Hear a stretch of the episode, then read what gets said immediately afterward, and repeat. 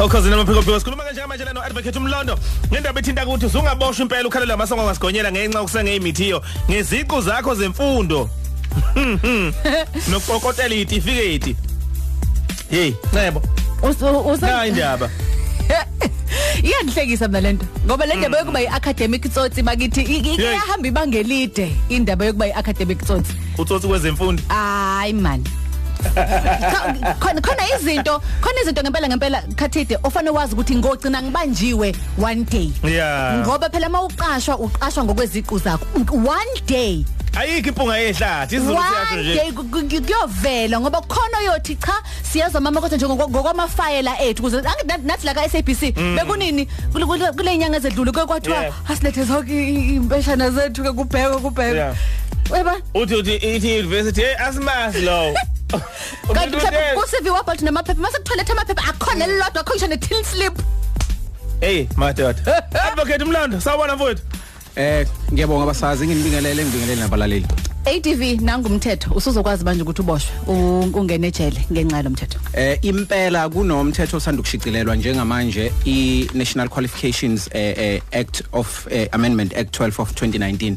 Eh iyona egunyaza ukuthi umuntu em o- o senge ezimithiyo njengoba utshatha kade esho nge- ngeziqu zakhe. Hayi kwi CV kuphela ngisho na kwi social media ngoba ikhuluma nge publication ngisho na kwi social media. Labo bantu bafundeka ngake nje social media? Sihlekiswa yilokho ATV Ab- abantu bafundile ku social media. Uma nithini lezi zinto lezi khathide la ubhala ah, khona ah. ukuthi ubani wakwabani I-profile, LinkedIn eh. profile. Noma Yeah. noma nixoxa nje ni mhlawumbe ni- ni- ni- ni- ni- ni- nisusana ngenkulumo athi umuntu ngi- ngabhala iphepha mina nga- ngalokho nga- ngenza ithesis yami ngalokho uthi okay uthule ke phela umuntu sewabhala ithesis phela. Kunjalo impela u- u- i- i- uma kuukuthi utshela abantu ukuthi unale qualification lokho kuyi publication publication eh ukusabalalisa i- i- ulwazi ngokuthi uneziqu ezinjani. Uma kuukuthi utholakale unecala lokuthi wenze lokho eh ungaboshwa isikhathi singevile iminyaka emihlanu Ha. kanye ne fine or kokubili akenizwe yemadoda Ma- mana ke we we we we- we ADV ngoba siyazi ukuthi i- i- inkampani zi- ziyakuhlola lokho kwenziwa ama mm, Yeah. ma- makwenziwa ama credit checks. Mase kufike kulesi sigaba esokugcina nje impela sokuqashwa sekwenza ama credit checks kuverify nama qualifications njalo njalo. Inkampani ziyakwenza lokho lo lo mthetho uk- ukuvalela khona la einkampani into mhlawumbe inkampani engakuvulela icala noma ukhathi de malokho ngibelesele nje uthi oqala yena wafunda. Hene hene hene hene. Ngithi ayisuka manje khathele lo khathi awuthi ke ngiyoyibheka lento yakhe. U- uma ngithola ukuthi ayinjalo nami ngihambe ngiyomvulela icala ngizoqala lana u- ukwenziwa eh phambilini inkampani ukuthi zibahlole abantu bezizenzela zona zizama ukuzivikela zona. Njengamanje sekuwumthetho siphoqelekile ukuthi umuntu uma ekunikeza isitifiketi ungabe ingoba lo muntu uzoqashwa noma lo muntu ufuna ukufunda aqhubekele phambili. Lo mthetho usuyaphoqa isikhungo sezemfundo noma umqashi ukuthi ahambe aye kwisakha ayochecka ama qualifications akhe ngoba lo mthetho okunye okwenzayo ukuthi ukwenze ukuthi kuphoqeleke manje ukuthi uma bonke abantu mhlawumbe maku iBSc bonke abantu bane BSc kunohla lwe database abazobhalwa kulona ukuthi umuthi methi utshatha ngine ngine medicine yeah eh kufanele ngingakwazi ngiya kwasakha kuzofanele ngiye kwasakha ngifike ngicheck kwasakha ukuthi unayo ngempela yini isakha bese iyangitshela ukuthi unayo medicine wayithola emedunza emedunza emedunza approved ukuthi inikeze imedicine okay yema dad cha kuyezwakala ngiyaxolisa ukuthi ngilokho ngiyihleka. Yeah. ngiyaxolisa ukuthi ngilokho ngiyihleka ngoba eh, uyawuthola ukuthi mhlawumbe umuntu usayifundela into kodwa useyifakile lapha kuma captions akhe useyifakile Ek- ekubeni akaqedi. ekubeni ang- ek- engakaqedi. Asithi mhlawumbe umuntu uyayifundela ke into yakhe eh uyayifundela iba- ib- ibashela yakhe kodwa angasho ukuthi student uyayibona? Athi BA communication. Ngokomthetho kuyicala lokho. Kuyicala Noma engakaqedi, noma esafunda? esafunda kuyicala lokho ngoba u represent ukuthi unayo le qualification ebengenayo.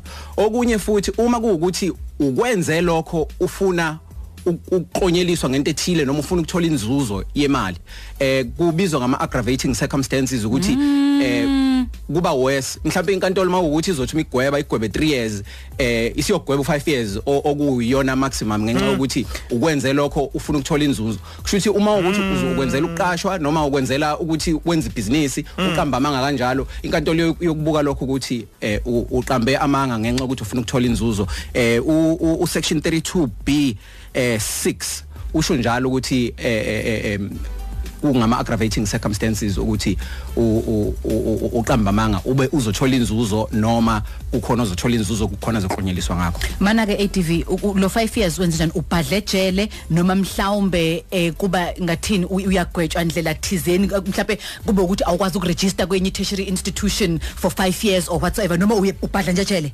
kukabili eh umthetho uthi ukubhadla ejele u5 years noma i5 Ukhokha bese uthi noma kokubili ukukhokha inhlawulo noma kokubili. So kungenzeka kokubili. Kodwa ke lo mthetho enye into engingayigcizelela ngawo ukuthi awuvikeli eh, eh, eh, abaqashi ne- ne- ne- ne- ne- nezikhungo zokufunda kodwa u vikela nezakhamuzi. Uma kuukuthi eh bekwenzeka phambilini ukuthi umuntu mhlawumbe kuthiwa uze eThekwini uzokwenza inursing em uma mhlawumbe sekuphele kuthiwa inursing nga 2 years uma sekuphele u2 years eh athola ukuthi hayi le le le- le le- lesikhungo sezemfundo ebe ngikusona asivumelekile ukuthi si- sinikeze inursing angikwazi ukuthola umsebenzi sokufanele ngiqale phansi. Umthetho manje ukwenza ukuthi nalezo zikhungo zemfundo ezithe zenzisa inursing zingenayo eh zingavumelekile ukuyenza isinursing ukuthi ziboshwe nazo eh, eh, eh, eh, for 5 years or eh, kune option of a fine or ingekho. N- ngaphezulu kwalokho ke futhi izikhungo zezemfundo zivinjelwa for 10 years ukuthi zinikeze iqualification. Shooting uma sike uma isikhungo semfundo sike saqamba amanga ukuthi sigunyaziwe ukuthi sineze leyo qualification ngisho ngathiwa sesiya apply kusakha asibe sisavumeleka for the next 10 years. Eh ng- eh, njenge njenge punishment yokuthi si siqamba amanga ukuthi Okay. sigunyaziwe Alright, aw- awuthi kesibone nazi ingcingo iphayiza la mhlambe umlaleli ufuna ukusho naye ukuthi hayi eh uke wa- wa- wakwenza lokho. Sawubona sokhosini. Hello. Mfowethu kunjani? Siyaphila kunjani mfowethu? Sikhona sikhuluma nabani? Eh sikhuluma nosikhumbuzo mfowethu. Yebo sikhumba. Eh, Ngalo udaba lisayithebeni la wakwasanga imithelo nawe ngendaba ethinta iziqu zakho zemfundo. Yebo ngicela ukubuza kulesizwe le ekhuluma lapho ukuthi Mm. Makwenzeka kutholakala njengoba nikhuluma ngama status nama profile uthola ukuthi nampela umuntu uthi kuyisitudent lapho. Mm. akabhala ngisho mhlambe kwi CV athi uyafunda usafunda kuleyo ndawo. Engashongo ukuthi mhlambe usenayo iqualification ethi usafunda kwenzeka kanjani kulo mkhakha. eh ngibonge eh u- umthetho ukhuluma ngama qualifications ukhuluma ngeziqu ukhuluma ngezimendlela othi unazo. Uma ungakabi nazo izimendlela uthi uyafunda eh a- angeke uzuzube necala lapho. Shuthi uqamba amanga ukuthi uyafunda em uyiqambela amanga angeke uzuzithola umsebenzi ngokuthi eh eh, eh, uyafunda ukhuluma ngama Okay. qualifications U- u- Mhlamba kufanele nokuthi ngithi ngisikhulu ke mhlambe enkampanini ethize ke. Ngibhale khona lapha ku Facebook iprofile yami. Cha. Eh ngusibani bani manager bani bani eh ntoni ntoni eh, kuzibalanga inkampani. njengoba ngeke ngasho tjatha umthetho ukhuluma ngama qualifications Okay.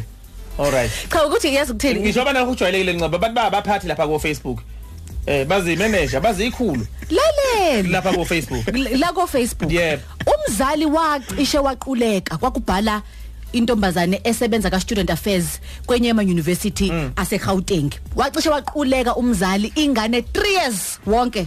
3 years. Yeah. ithatha imali ithi yokhokha ama fees yenza ukuthi yenza ukuthi yenza ukuthi yak nikutshela nomzali graduation date kwathwenga imiswenko kwasukwa Eastern Cape. Kwayibe khona ingane lokhu ibhala? Kubona labo Facebook lobo ntontoni ukuthi ngafa ama lecture ngijuluka ngimanzi ngite- ngi- ngi- ngi- ngiyafa izifundo. Wafika umzali waquleka waqulelwa ngamanzi. Ingane iqamba amanga. Ku Facebook iyashutha ise campus intuthe inabangani lapho. Ngeke emlondo kungabe icala abantu bakaNkuluNkulu ngoba lo muntu udefraude abazali bakhe. Wayithatha imali malini i degree ka 3 years wemlondo? Manje abantu banezibindi lokho kuphakathi komzali eh nengane yakhe. I- i-fraud iyicala. Uma kuukuthi umzali ubona ukuthi udefraud ingane yakhe uyakwazi ukuthi ayofaka icala ukuthi nayi ingane yami isifake ifraud. Kodwa ke inkantolo iyakubheka ukuthi umzali nengane lo. Kodwa icala yicala i-fraud i-criminal offence iyakwazi ukureport kodwa ngeke kubhekwe ngalomthetho lo we- we- we- wokuthi hayi ngalomthetho lo we- Okay. we- we- we- ekade sikhuluma ngawo manje. Mlando semakhulu mfowethu hlangu into ozokhuluma nawe mntaka baba siyophinde futhi sibe nawe ngesikhathi esilandelayo uma ngabe phakama udaba olufanayo. Ngiyabonga. Siyabonga kakhulu mfowethu advocate Sibusiso Mlondo obegeqa amagula ke ngalomthetho omusha ukuthi ke usungayithola ubhadle ejele iminyaka emihlanu noma ke ukhokhiswe inhlawulo noma ubhadle ejele uphinde ukhokhise inhlawulo ngokusenge imithiyo ngeziqu zakho zemfundo.